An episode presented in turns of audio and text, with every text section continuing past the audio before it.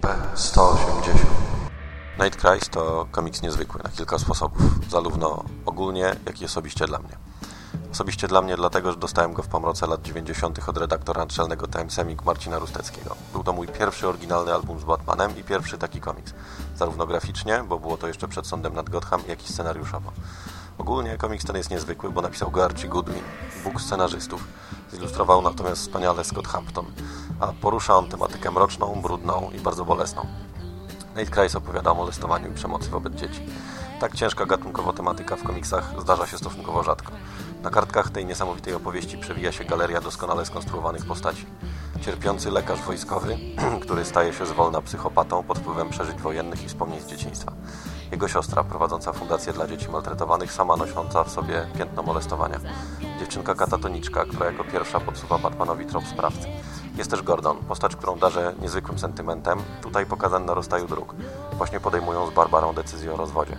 W to wszystko wplątany jest mały Jimmy, ich syn, a samego komisarza również dręczą złe wspomnienia. Oraz jest galeria brudnych cieni, tych, którzy skrzywdzili swoje dziecko i ponieśli za to najwyższą karę z rąk psychicznie wypalonego i cierpiącego mściciela. Akcja zatacza koła, aby od wojny gangów narkotykowych przez pozornie niepowiązane ze sobą zabójstwa, charytatywny bal Wayne'a i żmudne śledztwo trafić do najbardziej zaskakującej postaci. Tylko po to, żeby w ostatniej chwili ściganym okazał się kto inny. Niezwykłe jest, jak na niecałych stu stronach Goodwin zdołał zawrzeć tyle dylematów moralnych, tyle emocji, tyle wydarzeń. Odkrywając je stopniowo, nagle ze zdziwieniem stwierdzamy, że morderca, jego działania i pobudki są nam w niepokojący sposób bliskie. Że w zasadzie rozumiemy, wybaczamy, być może nawet popieramy to, co robi, bo przecież tak jak sam Mroczny Rycerz, on tylko wymierza sprawiedliwość. Komiks wydany jest w powiększonym formacie, na papierze kredowym i wydanie go w jakikolwiek inny sposób byłoby zwykłym przestępstwem. Scott Hampton to artysta niezwykle nastrojowy. Jego akwarelowe ilustracje to małe obrazy, chwilami bardzo pobieżne, chwilami bardzo szczegółowe. Ciemna paleta ciepłych, ziemistych lub wpadających w granat barw świetnie oddaje nastrój nocy, mroku i okropności czających się w scenariuszu. W scenach jasnych kadry przywodzą na myśl misterne mi miniatury akwarelowe. W 1993 roku praca ta została nagrodzona Harvey Awards w kategorii Special Award for Excellence in Presentation. Ktokolwiek nie widział jeszcze ilustracji Hamptona, powinien to nadrobić jak najszybciej.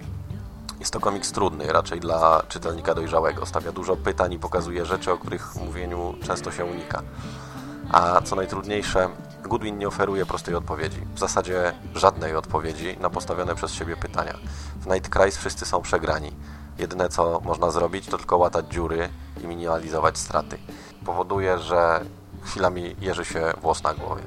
Każdy, dla kogo Batman ma w sobie coś więcej niż żałosne elektroniczne gadżety i świtę dzieciaków wokół, powinien przeczytać Night Cries, chociażby z trzech wymienionych na początku powodów. Pozdrawiam. Godaj.